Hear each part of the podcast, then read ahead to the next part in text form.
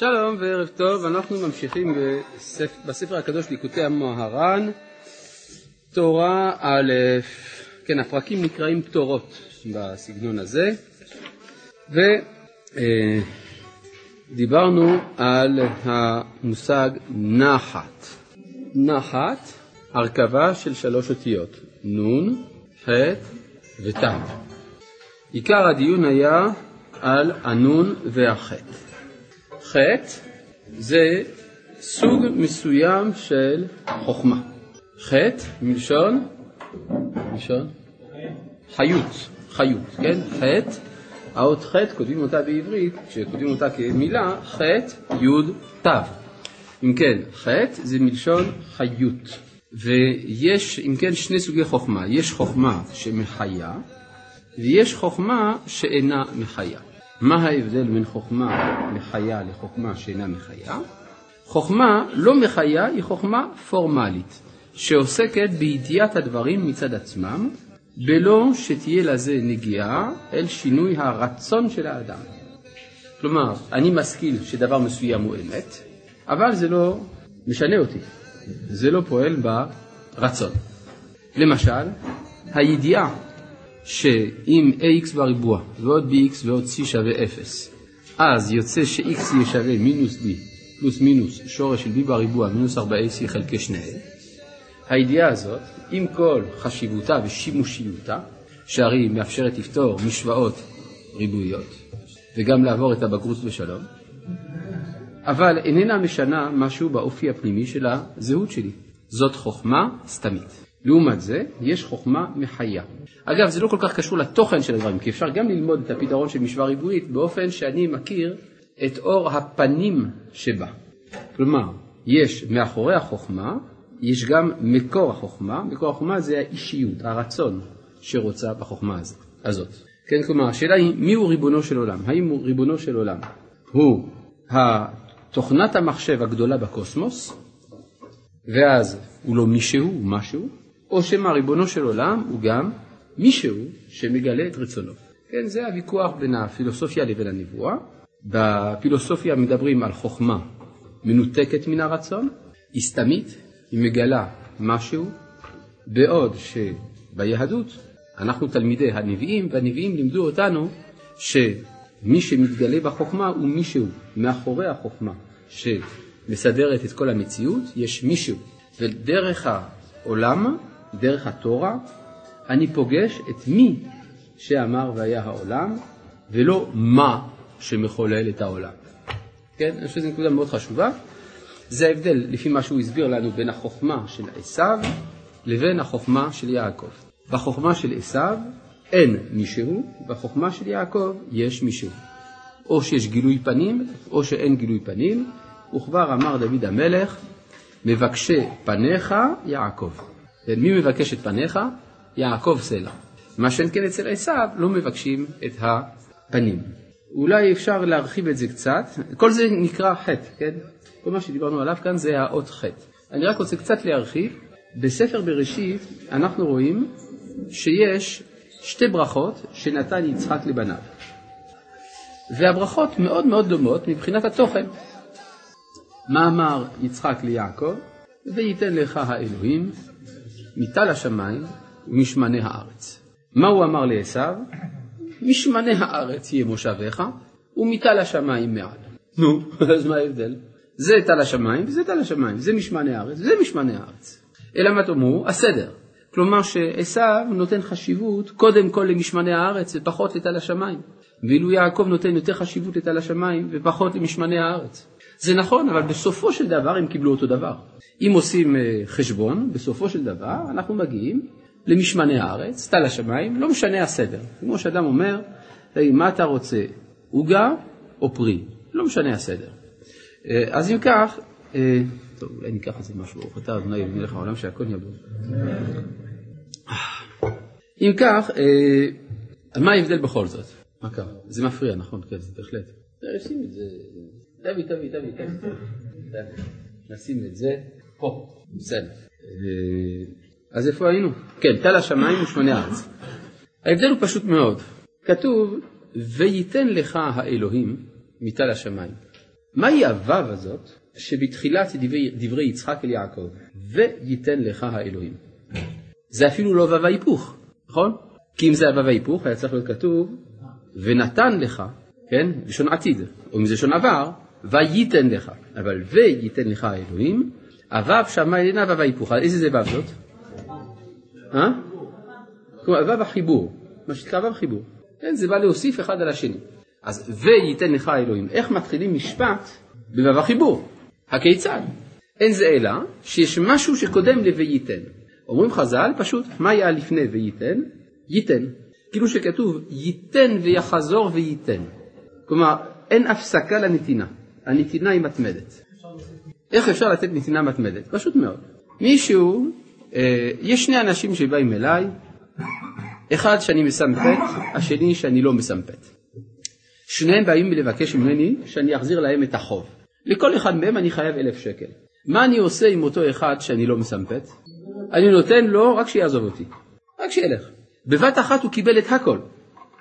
כן? זה מה שנקרא משמני הארץ, יהיה מושביך ומיטה לשמיים מעל. קבל הכל, לא יחסר לך דבר. רק לא רוצה לראות אותך. השני דווקא אני אוהב אותו מאוד, וואי איזה יופי שבאת, כן באתי לקבל את האלף שקל, כן כזה נחמד, אתה יודע, אה, מה שלום הפיצקלה, מה באמת הוא קם מהשפעת, ש... כן כן כן, זה נכון, ממש נחמד לדבר איתך, אה, אגב מה רצית? כן אלף שקל, אה טוב טוב, טוב, אה, אלף שקל אמרת? טוב בסדר, קח חמישים, מה עם השאר? תבוא מחר, יש לי עוד וזה, למה? כי אני רוצה לפגוש אותו כל הזמן. כל הזמן זה עוד קצת ועוד קצת, כדי שהנתינה לא תיפסק. אז מצד אחד, אז זה בדיוק ככה, ייתן ויחזור וייתן. עכשיו, מבחינה מסוימת, זה פחות טוב, כי לפחות אותו האנטיפט קיבל הכל. אבל אין פה מפגש של פנים אל פנים. אולי לרגע, אבל זה נעלם. שאין, וזה בדיוק הברכה של עם ישראל, שהברכה שלנו היא שהנתינה לא נפסקת. לכן אנחנו בחיסרון מתמיד, בצמאון בלתי רווי, ועל זה, על שם זה נקראים יעקב. מה זה יעקב? לעקוב. מי שעוקב, הוא כל הזמן עם הלשון בחוץ. מה שאין כן עשיו, עשוי, לא חסר לו דבר. זאת אומרת שהחוכמה שעשיו עשוי לפתח היא חוכמה, זה מין פילוסופיה, שהמטרה שלה להסביר הכל. יש יומרה כזאת הרבה פעמים בשיטות הפילוסופיה של העולם המערבי, בעולמו של עשיו. כל פילוסוף אומר, אני סוף סוף מצאתי את המפתח שיסביר את הכל. אבל אם יש לך מפתח שמסביר את הכל, אז אין לך שום מגע עם מה שמעבר לכל. אתה בעצם כלוא, אתה בעולם סגור בתוך בית כלא, מנטלי, קוסמי. זה נורא, זה עולם ללא תקווה. זה בדיוק עולמו של ברוך ספינוזה, שהוא בעצם רצה להסביר את הכל, ואפילו את אלוהים הוא הכניס לתוך הטבע. אז אין תקווה. אין לאן להתקדם. מה שאין כן העולם של נביאי ישראל הוא עולם שבו תמיד יש מקום לנשימה נוספת, לטרנסצנדנטיות, למעבר. וזה בדיוק ההבדל בין יצר הטוב לבין יצר הרע. יצר הרע אומר אין יותר בעולם ממה שיש בעולם. יצר הטוב אומר יש תמיד לאן לשאוף ולכן השאיפה של היצר הטוב זאת הנתינה המתמדת. עד כאן מובן? כן, כל זה היה בשביל להבין את האות, איזה אות? חטא. נשאר לנו עוד שתי אותיות. האות נון. האות נון זה מה שמאפשר, תכף הסביר לנו רב נחמן, זה מה שמאפשר לקלוט את החוכמה ההיא. חוכמה שיש בה אישיות, חוכמה שיש בה אינסופיות. זה האות נון. מה זה האות נון? היכולת לקבל. או אם תרצו, קוראים לזה, בשפה של המקובלים, מלכות. היכולת להיות כלי קיבול למה שגדול ממך. כן, בעוד שהחוכמה של אומות העולם היא חוכמה סגורה, בעם ישראל זאת חוכמה פתוחה. לכן החכם אצלנו לא נקרא בשם חכם, אלא בשם תלמיד חכם. תלמיד חכם. הוא תלמיד של מישהו שחכם ממנו. כלומר, הוא למד אצל החכמים. יוצא לפי זה שמה זה רב לפי ההלכה, לפי ההגדרה היהודית, זה מי שהיה לו רב. כן? התכונה הזאת בנפש, להיות מקבל, זה נקרא נון. חטא ונון, קוראים לזה הן. מי שיש לו נון ויש לו מכוח זה אותה חיות, אותה חוכמה שמחיה בעליה, אז הוא זוכה למצוא הן. אם הוא עושה את זה כראוי, הדבר הזה מוטמע בו בהטבעה מתמדת בנפשו, הטבעה מתמדת, קוראים לזה בעברית תו. תו, כמו תו קנייה. כן, תו זה סימן, סימן של קביעות. אז נון וחטא מביא לנחת, תו. כן, בשובה ונחת תיוושעון, זה מה שלמדנו, אה, לכן אמרו דברי חכמים בנחת נשמעים, וזה מה שלמדנו עד השיעור שעבר. ועל כן, מה? אה, למה דווקא חטא מביא לקו? למה זה דווקא מביא לקו? כשדבר מוטמע, אז הוא מותווה.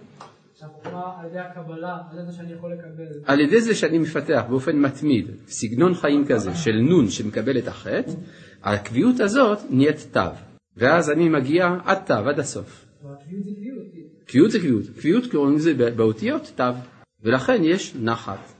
דברי חכמים בנחת נשמעים, וזה מה שלמדנו עד השיעור שעבר. כן, מה? החטא והנון עצמם נותנים תו. אז למה צריך... הקביעות של נון וחטא עושה תו. למה? למה נון וחטא עושים תו? לא, לא, נון, חטא, ואז ממילא יש תו. לא שהנון והחטא ביחד מציירים תו. זה לא מה שהוא אמר. אז זה לא מה שהוא אמר. מה? מה רב נחמן רוצה לומר? הוא רוצה לומר שעל ידי התפילות, על ידי התורות, נענות כל התפילות. כי התורה היא אותה חיות, התפילה היא אותה נון, ואז מכוח זה מתקבלות כל התפילות. כי מה זה התפילות? זאת ההכרה שריבונו של עולם בא אלינו ואנחנו משיבים לו. כלומר, השורש של התפילה בנבואה. לא התפילה מתחילה מן האדם, התפילה מתחילה מריבונו של עולם, ומתוך כך יש תגובה שעל ידה מתקבלות כל הנפילות. ומתוך כך, החן והחשיבות שיש בעולם עובר מאומות העולם, שכעת החן, החן והחשיבות נמצא אצלם, ועובר לעם ישראל. עד כאן ברור? בסדר. זה מה שלמדנו עד השיעור שעבר. יש לי הצעה גאונית, לצעוד לעבר הפסקה הבאה. מה? לא בסדר, נו. מה ההבדל בין חוכמה שמחיה לדמיון שמחיה? הדמיון לא מחיה. הדמיון לא מחיה. הדמיון נותן דמיון של חיות. על ידי הדמיון אפשר לקבל את החוכמה שמחיה. מובן? כלומר, הדמיון הוא כלי, החוכמה היא תוכן. אפשר להמשיך, אני מציע עכשיו שאנחנו נדהר לעבר הפסקה הבאה. זה בעמודה השמאלית, ממי שיש לו ההוצאה הקלאסית, איפה שכתוב ועל כן. ועל כן יעקב, שהוא בחינת השכל כנ"ל, כן, הרי יעקב הוא מגלה את השכל שבכל דבר, אה, על כן זכה לחן, כמו שכתוב, כי חנני אלוהים. מי אמר את זה? כי חנני אלוהים? יעקב. יעקב אמר את זה. למי הוא אמר את זה? לעשו. יענו, להראות לו, יש לי מה שאין לך. כי חנני אלוהים. ועל כן, בירך את השבטים בחן, כמו שכתוב, הילדים אשר חנן אלוהים את עבדיך. מי אמר את זה? יעקב. למי הוא אמר את זה? לעשו. יענו כדי להראות לו מה זה. כן, החן נמצא אצלי. מתי הוא אומר לו את זה? כשהוא חוזר לארץ ישראל. כל זמן שיעקב בגלות, החן נמצא אצל עשו. אבל עכשיו אומר יעקב, תשמע, אני חזרתי עכשיו לזירה הפוליטית. עכשיו אני נכנס מחדש להיסטוריה. אז החן חוזר אליי. כן. ובנימין לא היה אז, כן? כשיעקב פגש את עשו, היו לו כל השבטים, אבל בנימין עוד לא נולד. על כן ברכו יוסף בחן. כמו שכתוב, אלוהים יוחנך בני. מי אמר למי? יוסף למי? לבנימין. כדי להמשיך אליו מה שהיה חסר לו, כיוון שהוא לא נתקבל, לא קיבל את הברכה של החן. ודווקא יוסף היה יכול לברכו בחן. למה? כי יוסף היה כלול ביותר מבחינת יעקב, כמו שכתוב, אלה תולדות יעקב, יוסף, כי הוא היה עיקר תולדותיו, כי יעקב ויוסף כחדה חשיבי. כלומר, יעקב ויוסף זה בעצם עניין אחד, זה אותה אישיות. כן, כתוב, ויאהב יוסף את, ויאהב, וישראל אהב את יוסף מכל בניו, כי בן זקונים הוא לו. מה זה בן זקונים הוא לו? רש"י, בן זקונים שהיה זיו איכונין שלא דומה לו, כלומר היה להם אותו פרצוף. מה זה חשוב? מה, אז מה? יש לו, מה, מבחינה, מבחינה פיזיונומית אותו דבר? אלא כנראה שמבינים שהפנים הם הגילוי של החוכמה העליונה, ולכן דווקא היה חשוב שזיו הפנים יהיה דומה. דבר נוסף, שכל מה שלמד משם ועבר מסר לו. זקונים מלשון זקן זה קנה חוכמה. כן. אמרת שכשיעקב חזר מהגלות, אז הוא היה יכול להגיד לעשו את כל ה... אני לא מכחיש. מה? אבל יוסף הוא היה סמל הגלות, תחילת הגלות. אתה שואל שאלה יפה. אני חוזר על שאלתך. אני אמרתי, ואני לא מכחיש את זה, שיעקב יכול היה לגלות את החן שיש בבניו דווקא בשעה שהוא חוזר מהגלות. והנה, יוסף הרי היה סמל של הגלותיות. אז איך הוא יכול לברך את בנימין בחן? עד כאן השאלה שלך, ברור? הרי יוסף הוא זה שדווקא רצה להתנתק מבית אביו, כן? כי נשני אלוהים את כל עמלי ואת כל בית אבי. אפרים, כי הפרני אלוהים בארץ עוני. אז איך בכלל אפשר להגיד שהוא נותן את החן? הרי החן זה דווקא בארץ ישראל, דווקא בזמן המלכות וכו'. ברור? עד כאן השאלה. התשובה, כשיוסף פוגש את בנימין, זה ההתחלה של החזרה שלו לארץ ישראל. כלומר, המפגש עם בנימין שינה אצל יוסף את התכונה שלו, והוא הפסיק להיות יוסף, והוא התחיל להיות משיח בן יוסף. מובן? כלומר, אצל יוסף יש שתי בחינות. יש יוסף בתור מי שמנסה את ההתבוללות. למשל, יוסף חושב שהפתרון של. של בעיית המשפחה של אברהם אבינו זה להתמזג בתרבות הכללית, אבל יום אחד הוא רואה שהאחים שלו סובלים. הוא רואה את משפט דרייפוס, הוא לא יכול לעמוד בזה. ואז הוא אומר, פקוד יפקוד אלוהים אתכם, ועמדיתם את עצמותיי מזה להר הרצל איתכם. מובן? אז יש מבחינה כזאת, וזה מתחיל דווקא בבנימין. מדוע? כי בנימין, מכיוון שהוא היה הצבר של המשפחה, זה מה שגרם ליוסף להימשך לארץ ישראל. ואז הוא מתחיל בעצם את המלכות של המשיח. בסדר? לכן השאלה הייתה בהחלט במקום. כן, בבקשה, מה קרה? אמרת שהחן, שיעקב יכול להגיד, להחזיר את החן רק כשהוא חוזר לישראל. לא, לא שהוא חוזר לישראל, כשהוא חוזר לארץ ישראל. ישראל. עוד לא הייתה קיימת כמדינה באותם הימים. לארץ ישראל. כן. אה, אז- זאת אומרת שאנחנו בגלות, אנחנו, אין לנו מספיק אה, יכולת לקבל את החוכמה? נכון. כשאנחנו בגלות, אין לנו חן, אין לנו מספיק יכולת לקבל את החוכמה. כמו שאמר הגאון מווילנה, שמיום שגלינו, אז בעצם הפכנו להיות אה, ערימה של עצמות יבשות מתפוררות. ולכן כל מה שאנחנו משיגים בחוכמה אינו אלא כלום. כל התלמוד שלנו. כל התלמוד שלנו, כן, כל התלמוד שלנו. כתוב במחשקים הושיבני, כמתי עולם. אומר התלמוד הבבלי, זה תלמודה של בבל. כלומר, התלמוד של בבל מודה בעצמו שהוא יושב במחשקים. וכן התלמוד הבבלי, שנכתב בבבל, אומר, כיוון שגלו ישראל ממקומם, אין לך ביטול תורה גדול מזה, שנאמר מלכה ושריה בגויים, אין תורה. המשך הפסוק, גם נביאיה לא מצאו חזון מהשם. נגמר. מסביר הרמב"ם, בגלות לא תיתכן נבואה, כי אחד מתנאי הנבואה זה השמחה. ואיך אפשר להיות שמח כשאנחנו נתונים תחת שלטונו של טיפש? ולכן בגלות אין שמחה, ולכן בגלות אין נבואה. כי אז אנחנו נתונים תחת שלטונם של טיפשים. ברוך השם שיצאנו מהגלות. כל הנבואה של משה רבנו ושל אהרון, של- הנביאים, של חזקאל, של רבי נחמן ועוד כאלה, לא יודעים כזה. אה, אני חוזר על שאלתך. כל הנבואה של משה רבנו ואהרון ויחזקאל ושל רבי נחמן זה היה בגלות. אז אני רוצה פה לתקן קודם כל משהו בשאלה. רב נחמן לא היה נביא, קודם כל. אז בואו נעשה פה הבחנה. כן? אבל זה אתה הזמנת את התגובה, זה אשמתך. דבר נוסף, אה, דבר נוסף, אה, אה, משה רבנו ואהרון ויחזקאל, רבי יהודה הלוי בעצמו שואל את השאלה הזאת במאמר שני של ספר הכוזרי. ויש לנו כלל, שכל תורת רב נחמן בנויה על יסוד היהדות. כדי לדעת מה היהדות אומרת צריך ללמוד ספר הכוזרי. כך שתנאי ראשוני להבנת מה שנאמר בשיעור הזה זה ללמוד ספר הכוזרי. והרי השאלה הזאת, מה עם הנבואה של כמה נביאים שהיו בחוץ על הארץ, ביניהם משה ויחזקאל הנביא, אז בעצם שאלה זו נשאלה על ידי רבי יהודה הלוי. מה הוא ענה? כל מי שנתנבא, לא נתנבא אלא או בה, כלומר בארץ ישראל, או בעבורה. בסדר? הרי ההתגלות של הקדוש ברוך הוא לאברהם, ההתגלות הראשונה, זה בשביל להגיד לו מה? תעלה לארץ ישראל. דבר ראשון שאומר לו, אני לא יכול לדבר איתך במצב הזה. כן, כאילו פה, תשמע, פה זה, הייתי מאוד רוצה לדבר איתך, אבל לא נוח פה. רוצה לארץ ישראל. כן? טוב, בואו נמשיך. כן. תורת ארץ ישראל זה הנבואה. כן. אה, כשאין נבואה אז תורת הסוד. טוב, אז בואו נמשיך. אה, כי יוסף היה כלול ביותר מבחינת יעקב. אה, אה, יש פה שאלה, מתוך כל שש השאלות שנשאלו אני אענה על השישית, כי באמת לא, לא, כי יש הרבה שאלות שאם אני אענה אליהן, זה יוציא אותנו מהקו. ולכן בשיעור הזה אני נוקט במדיניות שהיא שונה ממה שאני נוקט בשאר השיעורים, אני כמעט ולא עונה על השאלות של האינטרנט, במיוחד שגם השאלות שנשאלות הן באמת מחוץ לנושא הרבה פעמים. אז מה, ללמוד בגלות, אז למה ללמוד בגלות אם החוכמה נעלמה מאיתנו? מה זה מועיל? זה מועיל שלא נשכח לגמרי. זה כמו אדם שנמצא ב, במקום שבו אין אוויר לנשום, אז מה, ייחנק? נושם קצת.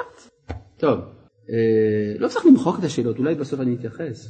טוב, כי יוסף היה כלול ביותר מבחינת יעקב, כמו שכתוב, אלה תולדות יעקב יוסף. כי הוא היה עיקר תולדותיו, כי יעקב ויוסף כחדה חשיבי. כלומר, מה זאת אומרת כחדה חשיבי? שקצת מרגישים. כלומר, ש, ש, שיוסף יודע את רוחו של אביו. כן, יש פה שאלה נוספת, חזרנו לארץ. היכן הנבואה? אה? היכן הנבואה? אה? מה? מה אמרתי קודם? אחד התנאים לנבואה זה השמחה. ובגלות אין שמחה, כי אנחנו לא תחת שלטון של טיפשים. נו, אז מה הבעיה? אתה רוצה לרמוז למשהו. אני לא מעלה בדעתי, אני לא מעלה בדעתי שעם ישראל יעמיד בראשו מיוזמתו מי שאיננו חכם. לא יכול להיות. אבל אם מישהו שואל איפה הנבואה, בכל זאת, כן? נקרא לכם איזה פסקה קצרה בשמונה קבצים, משהו קצר, כן? בקובץ ד', פסקה י"ז. שמונה קבצים, קובץ ד', פסקה י"ז.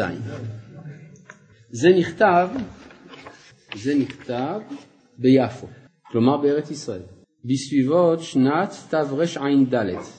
לא, עד שנת, בשנים הראשונות של הרב קוק בארץ, כשהתחילה קצת ההתיישבות הציונית בארץ ישראל, קצת מן הקצת, בסדר? מה? כן, עד תרע"ד, כלומר הקובץ, הקובץ הזה נכתב עד תרע"ד, אז בואו נראה מה הוא אומר. הוא כתב, צריך להבין, הרב קוק כתב את הפסקאות האלה כשהוא היה מבודד אחרי חצות לילה. ואקשיב ואשמע מתוך מעמקי נשמתי, מתוך רגשי לבבי. כל אדוני קורא. הוא כותב שם א' ד' נ' י'. ואחרד חרדה גדולה. הככה ירדתי כי לנביא השקר אהיה, לאמור השם שלחני, ולא נגלה אלי דבר אדוני. ואשמע כל נשמתי, הומה, ספיחי נבואות, הנה צומחות, ובני נביאים מתעוררים. רוח הנבואה הולך ושט בארץ, מבקש לו מפלט, דורש לו גיבורים מלאי עזוז וקודש. הם ידעו לכלכל דבר, האמת לאמיתה יגידו, יספרו איך נגלה להם דבר השם, לא ישקרו ולא יחניפו. את רוחם באמונה יוציאו. אם כן הרב קוק מדבר על זה שהוא חווה את הראשית של ההתנוצצות של הנבואה. לכן מי ששואל היכן הנבואה מאז שחזרנו לארץ, הנה יש פה מדף שלם, מי שמעוניין. כן. ניצוד נשמתו של הרבי נחמן. מה? נכון, נגמרה הנבואה, זה צודקת. אבל עכשיו היא מתחדשת, לאט לאט. אין לנו עדיין נביאים, לא זכינו. אבל רוח הנבואה מתחיל לשוב. כן? זה כמו שאדם אומר, אין לי יותר מצוותר. עכשיו מביאים לו מצוותר, הוא אומר, כן, אבל אמרו שאין. אז אין, אה, מקרים כאלה בית חשוב. ואומרים שלא יהיה, אני לא יודע, הרב קוק אומר לא כך. טוב, הלאה. במה תלוי חידוש הנבואה?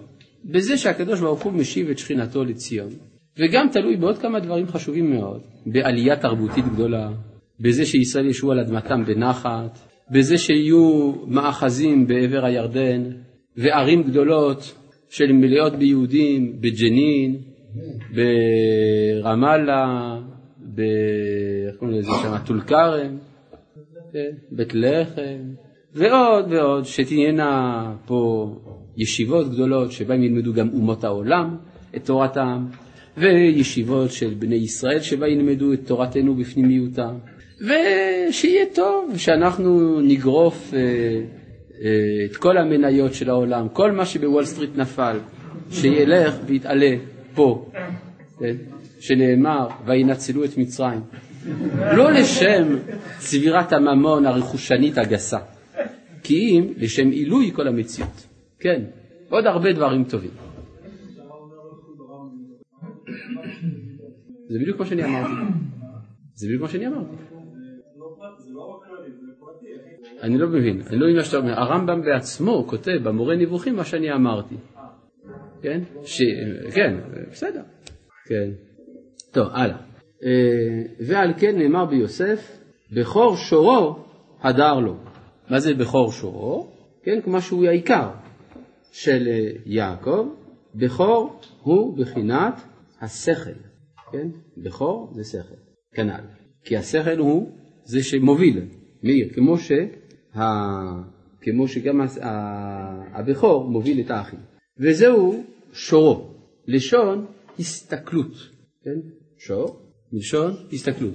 שורו, הביטו, וראו, נכון? אז וזהו שורו, לשון הסתכלות. כי צריכים להסתכל בהשכל שיש בכל דבר כנ"ל. כי איש הישראלי, ככה למדנו בתחילה של הפסקה, צריך לראות את השכל שבכל דבר. וזהו הדר לו, תרגם מונקלוס, זיו לה, לשון אור, כי השכל מאיר לו לכל דבר.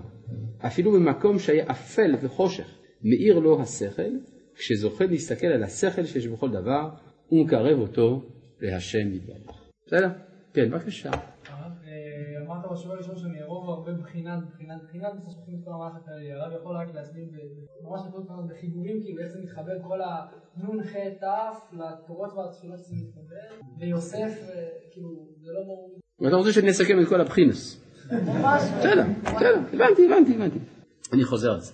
הוא הסביר, הרי בכלל הוא התחיל מפסוק שבכלל לא הסברנו אותו. אשרי תמימי דרך ההולכים בתורת השם. בכלל עוד לא הסברנו בכלל מה זה אשרי, ומה זה תמימי דרך, ומה זה ההולכים בתורת השם. אבל הוא אמר לנו מהלך כזה, על ידי התורה מתקבלות כל התפילות. הסברנו מדוע, כי התורה זה הפנייה של הקדוש ברוך הוא אל האדם, והתפילה זה התשובה של האדם אל הפנייה הזאת. ועל ידי כך, כשהתפילות שלנו נענות, אז החן והחשיבות שבינתיים נמצא אצל אומות העולם, חוזר לעם ישראל. איך זוכים לחן ולחשיבות הזאת? על ידי שהאדם הוא בבחינת מקבל, דהיינו בבחינת מלכות, בבחינת נון, כדי לקבל את החוכמה שיש בה חיות, דהיינו חטא, והדבר הזה נקבע בנפשו, ואז יש נחת. ועל זה נאמר, דברי חכמים בנחת נשמעים. וזה הייתה, זה ההבדל שיש בין החוכמה של עשיו לבחינה של יעקב והחוכמה של יעקב, כי יעקב הוא באמת זה שרואה את החוכמה בשורשה, ולכן הוא יכול לתת חן לשבטים, ולכן אמר, האלוהי, הילדים אשר חנן אלוהים מתעבדיך, רק שיוסף הוסיף חן לבנימין, כיוון שלא היה באותה שעה, כיוון שיוסף הוא הבחינה העיקרית של יעקב, שנאמר בכור שורו הדר לו, בכור כוח המוביל, שורו שמסתכל, הדר לו, את האור, הדר מלשון אור, לא. זאת אומרת, הוא, הוא יודע לראות את החוכמה שבכל דבר, ולכן אצלו נמצא אותו שכל עליון, ולכן הוא יכול להעניק את החן לבנימין. סיכמנו את כל, כל, כל מה שאמרנו עד עכשיו. רואה לכם, בלי שאלות היינו תוך שתי דקות לומדים את זה, כן. מה? השכל שבכל דבר זה, זה המשכה של התורה לכל דבר. כן, כלומר התורה של מעלה זה הפנייה של הקדוש ברוך הוא, אבל גם אני רוצה להמשיך משם משהו, לכן אני רואה את השכל שבכל דבר, דהיינו את בחינת החיות, הפנים שיש בכל דבר, דבר חוכמה שבעולם. כן. מדוע דווקא יוסף? יוסף הוא הכוח המוביל, המנהיגות, כן? דווקא יוסף הוא יודע להנהיג. לכן הוא יודע להנהיג גם בפוליטיקה, גם בכלכלה, גם בצדקות, קדושת הברית שהוא שמע. כן? זה הבחינה של יוסף. ולכן הוא יודע, יש לו סוד הריכוז וסוד הפיזור. הוא, מפ... הוא מרכז אצלו את, כל, את הכל כדי לפזר אחר כך אורות. ולכן הוא ראה את תפקידו בתור כוכבים מאירים בלילה. טוב, אז נמשיך. וזהו פירוש מה שאמר רבא בר בר חנה. עכשיו אנחנו חוזרים להתחלה של ההתחלה של כל הלימוד. הרי הוא אמר לנו, אה, רב נחמן, שהוא עכשיו מתחיל לפרש את האגדות של רבה בר בר חנה, מפרק המוכר את הספינה. אז מהי האגדה הראשונה של רבה בר בר חנה? כתוב כך: היי גלה דמטבע לספינתה, מתחזה קיצוציתא דנורא חיברתא ברישא, פירש רשב"ם יש לבנה ומלאך מזיקו, ומחינן ל בעלבתא דחקיק עלה אהיה אשר אהיה. הכל מובן עכשיו. לא, כל מה, ש, כל מה שלמדנו מסביר את ההגדה הזאת. אז בואו נקרא עוד פעם. היי גלה דמטבע לספינתה. כשיש גל גדול שרוצה להטביע את הספינה. כן, אנשים בים נמצאים פתאום בתוך סערה, יש גלים, אתם יודעים, גלים זה יכול להיות גדול פי עשרים מהספינה, והגל יכול להפיל את הספינה ולהטביע את כולם. מתחזה קיצוציתא דנוח חיברת ברישה, נראה כמו אש לבנה, של, אה, כלומר אה, ניצוץ של אש לבנה בראשו. כלומר בראש הגל, מי שמסתכל רואה שם שיש איזה אור לבן שבעצם דוחף את הספינה. מה אומר הרשב"ם? אש לבנה ומלאך מזיק הוא. כלומר יש איזה מלאך, זה לא סתם שהספינה, הרי הספינה יש בה אנשים, אנשים הם ראויים להשגחה יותר מן הים. אז אם בכל זאת הטבע יכול להתגבר על האדם, אז יש מלאך מזיק שם. ומחינן לה, מכים אותו, כלומר איך מנצחים את הגל הזה, בעלבתא, כלומר במקלות, דחקיק עליו שכתוב עליהם אהיה אשר אהיה. כשאתה הולך בספינה, קח איתך כמה מקלות שיהיה כתוב עליהם אהיה אשר אהיה, כך שאם תראה את המזיק הזה, תכה אותו, תראה שהכל יהיה בסדר. עד כאן דברי רבה בר בר חנה. למה הוא התכוון? זה מזכיר את הסנה, שמה יש בסנה? גם בסנה נגלה השם אהיה, אשר אהיה, וגם שם היה אש, כן. אז זאת אומרת זה אותו הדבר. אני לא חושב, אני אגיד לך למה. הסנה זה לא היה בים. כן. אז עכשיו יש הפירוש, יש הפירוש של אה, רב נחמן. גלה, מה זה הגל הזה? הוא היצר הרע. דמטבע לספינתא, שרוצה להטביע את הספינה. פה יש משחק מילים. מה פירוש המילה ספינה? מלשון ספון. מה זה ספון? חשוב, כן? ספונים בביתם, אנשים חשובים. כמו שנאמר גם על עשיו, שאינם ספונים וחשובים לפני המקום. אז בעצם גלה דמטבע לספינתה, הכוונה שיצר הרע רוצה לבטל את החשיבות של האדם. זה דבר מאוד מעניין, כי אנחנו רואים בספר בראשית שיש אה, שני אדם שם. יש אחד שקוראים לו נפש חיה, כן, ויהי האדם לנפש חיה, והוא זה שהרדימו אותו וחילקו אותו לאיש ואישה, שני צדדים, קוראים לזה נפש חיה. למה קוראים לו נפש חיה? כי יש בו נשמת חיים שנופחה בו. מאיפה היא באה נשמת חיים הזאת? מלמעלה. מאן דנפח מתוכי נפח, אומרים בשם הזוהר, שכאילו הקדוש ברוך הוא נפח משהו מתוכו, כביכול, כדי לעשות את נשמת האדם. אם כן, יש באדם יסוד חזק מאוד, עליון מאוד, שהוא מתעלה מעל הטבע. ומכוח זה האדם נקרא בשם נפש חיה. אבל יש גם אדם שהוא לא מרגיש שהוא בא מן העליונים. האדם חושב הרבה פעמים שהוא סך הכל בהמה משוכללת, אבל בהמה, נכון? זה קוראים לזה השכל הטבעי. איפה הוא מוזכר בתורה? כתוב מפורש, והנחש היה ערום מכל חיית השדה אשר עשה השם אלוהים. מה זה נחש? זה מלשון לנחש, זה השכל הטבעי. היה ערום, מה פירוש ערום? חכם, נכון? כך, מתרגם אונקלוס. וחיביה הווה חכים. הנחש היה חכם, ערום זה חכם. לשון אני בינה שכנתי עורמה. מכל חיית השדה. מהי החיה החכמה ביותר שאנחנו מכירים? האדם. אם כן, אנחנו רואים בספר בראשית שיש מאבק בתוך האדם בין שתי בחינות של האנושיות שלו. בחינה אחת נפש חיה, בחינה שנייה נחש, והם נאבקים זה בזה. מה המאבק שיש בזה, בין זה לזה? הנחש טוען שהאדם אינו אלא נחש, ואילו. הנפש חיה טוענת שהאדם הוא נפש חיה. כלומר, האם אני סך הכל איזה מין יצירה טבעית, או שמא אני יצירה מוסרית שגוברת על הטבע. וזה יוצר את היצר הטוב ואת היצר הרע. לא שהטבע עצמו הוא יצר הרע, הטבע הוא כשר, הוא מצוין, אין לו בעיות. השאלה היא מי מוביל את מי. האם אני מובל על ידי הדחפים הטבעיים, או שמא יש לי הכרה חירותית, חופשית, שמתנשאת מעל הטבע. או נגיד במילים אחרות, האם אני, בעולם עם תקווה או בלי תקווה? זאת השאלה. והמאבק הזה הוא בעצם, אם אנחנו נשמע לנחש, בעצם עיקר העניין של הנחש זה לא להחטיא את האדם לפי זה, אלא לשכנע את האדם שאין לו חשיבות. זה מה שנקרא היגאלה דמטבע לספינתה. כלומר, היצר הרע רוצה לבטל את החשיבות של האדם. כן, אז זה מה שנקרא, דמטבע לספינתה הוא אכן בחשיבות, לשון ספון וחשוב, כי היצר הרע רוצה להטביע ולהשפיל, חס ושלום, בחינת החן והחשיבות של ישראל, בחינת מלכות בקדושה. כלומר, הוא רוצה לומר, סך הכל, עם כל מה שאתה מדבר גבוהה גבוהה, יש לך יצר הרע. אם יש לך יצר הרע, אתה בעצם רק בהמה. ומתחזה קיצוציתא דנורא חיוורת ברישא. הוא נראה כמו ניצוץ של אור לבן בראש. כי מתחילה היצר הרע מתלבש עצמו במצוות. הוא מטעה את האדם כאילו מסיתו לעשות מצווה. וזהו בחינת צוציתא דנורא חיוורת. אש לבנה. אף על פי כן מלאך מזיקו. כלומר, יש אה, איזה מין נטייה למשוך את האדם, איך כתוב, כך דרכו של יצר הרע, היום אומר לך עשה כך, ולמחר עשה כך. עד שבסוף אומר לו עבוד עבודה זרה ועובד.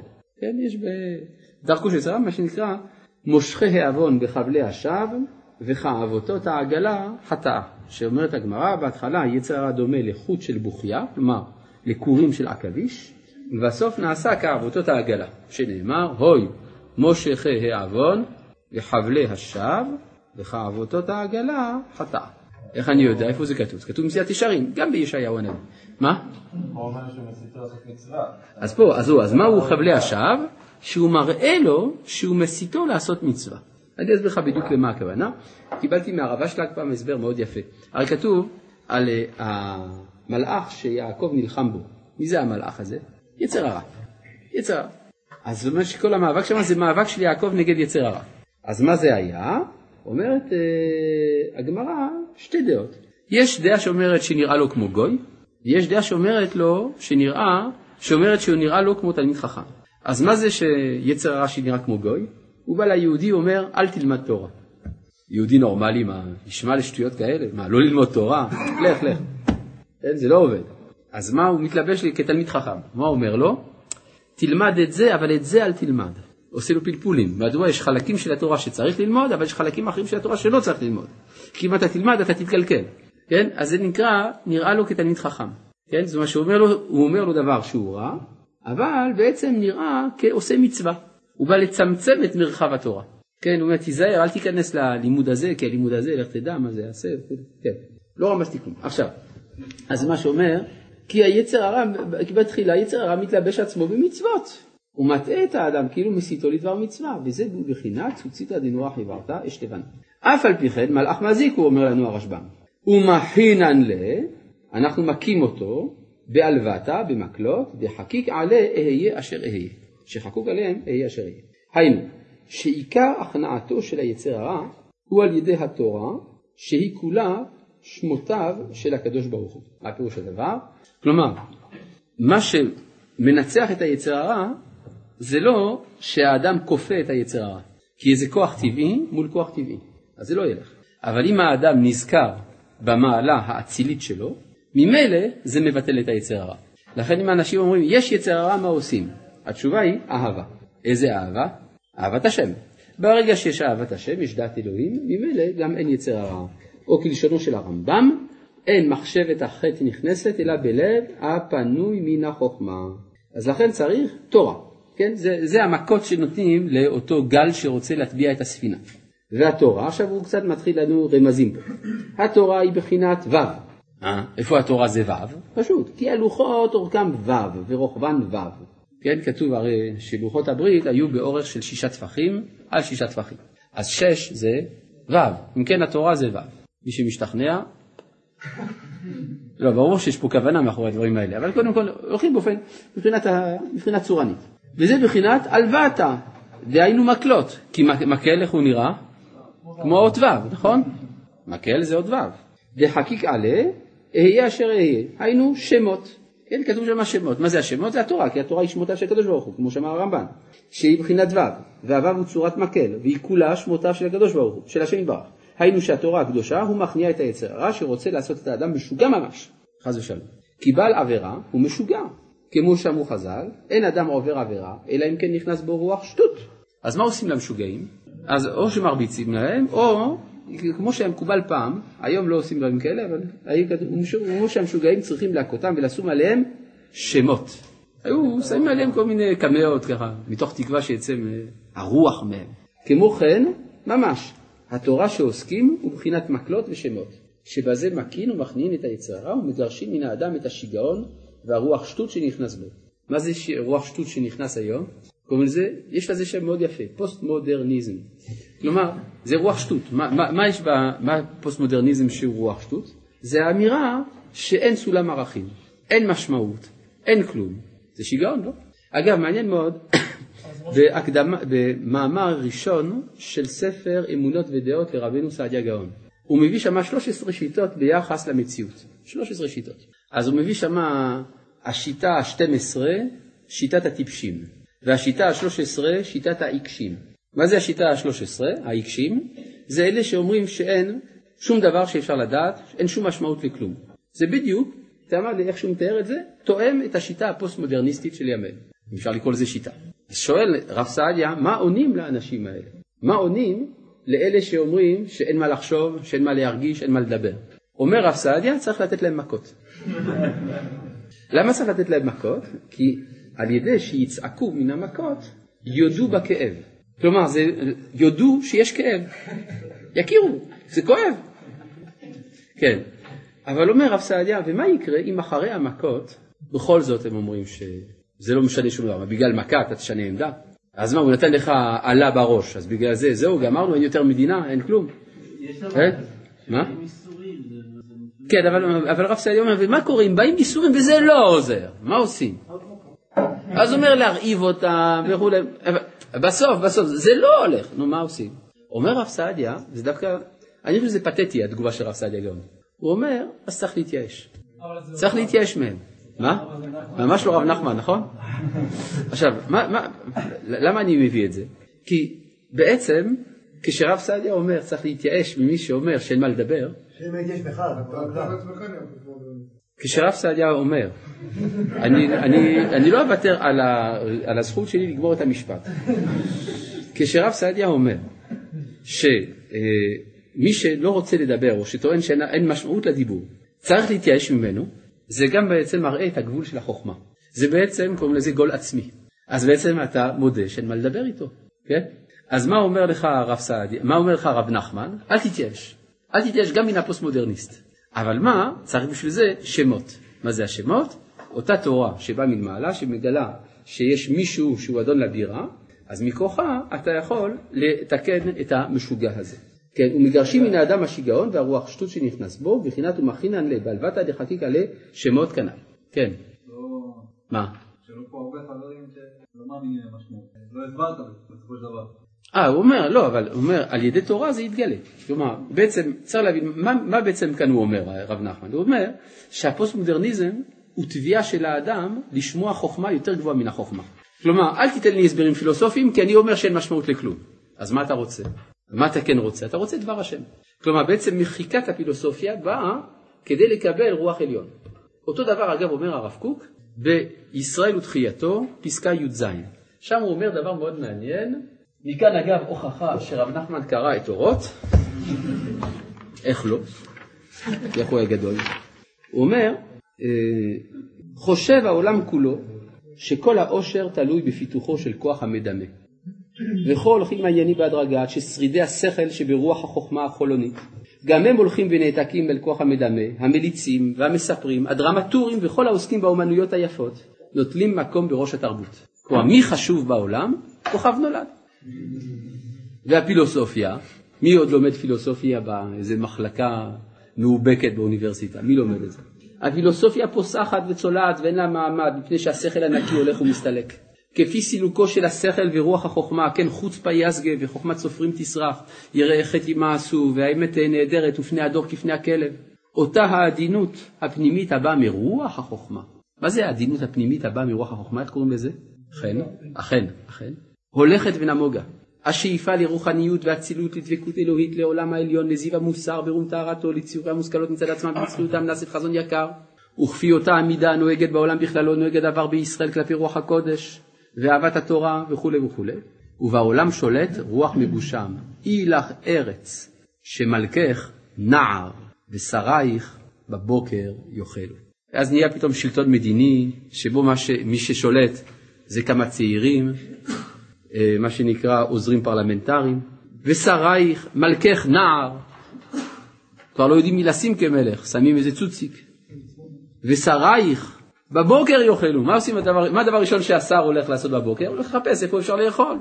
אמנם כל זה, אז מה, מה צריך להגיד? אוי גוואלד. לא, אומר לך הרב, אתה לא מבין מאיפה זה בא. כל זה הוא יסוד עצה מרחוק. עצת השם היא להשלים את כוח המדמה, הרבה טלוויזיה, הרבה אינטרנט, הרבה ציורים, מפני שהוא בסיס בריא לרוח העליון שיופיע עליו. כלומר, ההתפשטות, ההתגברות של כוח המדמה על השכל, אמנם זה מוליד הרבה הרבה מאוד קלקולים, אבל זה גם גורם שבסופו של דבר רוח עליון ישוב. מה זה רוח עליון? הנבואה. זה הכנה לנבואה. עכשיו בואו נקרא, מה? שמעת על מושג הזרע הנרקב וכולי. טוב, וזהו, עכשיו, לא כולם נחשפים. למה? כל העולם כולו היום נחשף לדמיון. אפילו שיעור תורה, צריך לדאוג לזה שפה מאחורה זה יהיה ככה, ושלא יהיה פה כוס שיפריע, וכל מיני דברים כאלה, נכון? ויש הערות למרצה, בבקשה מכבוד הרבנים לחזור על שאלות התלמידים, כל מיני דברים כאלה. כלומר, הדמיון שולט. השיעור ההוא פופולרי, למה? תראה איך שהוא מדבר. אז מה זה משנה, תראה מה הוא אומר. וזהו, אשרי תמימי דרך. אין זמן, מצטער. אשרי, אשרי, נו, לשון הסתכלות, כן? אשרי מלשון בארמית. מה זה אשרי בארמית? להסתכל. תמימי דרך, בחינת יעקב אשתם, שהוא בחינת השכל גנן. היינו לזכות להסתכל על השכל שיש בכל דבר, שהוא בחינת יעקב אשתם, זה זוכים על ידי התורה, וזהו ההולכים בתורת השם. כי על ידי שלומד תורה בכוח, על ידי זה נותן כוח למלכות קדושה בחינת נון, לקבל מן השכל שהוא בחינת חטא, ואז נעשה חן ונקבלים דבריו כנ"ל. ואז נתעלה חן בחשיבות של ישראל, וכל התפילות והבקשות נתקבלים. כל מה שאמרנו בעצם כלול בפסוק, אה, בפסוק אשרי תמימי דרך ההולכים בתורת השם. מה? הוא אומר, אשרי זה מלשון הסתכלות, שאיש הישראלי צריך להסתכל על השכל שבכל דבר. ומי זה האיש הישראלי שיודע להסתכל כל, כל דבר? זה יעקב אבינו, נכון?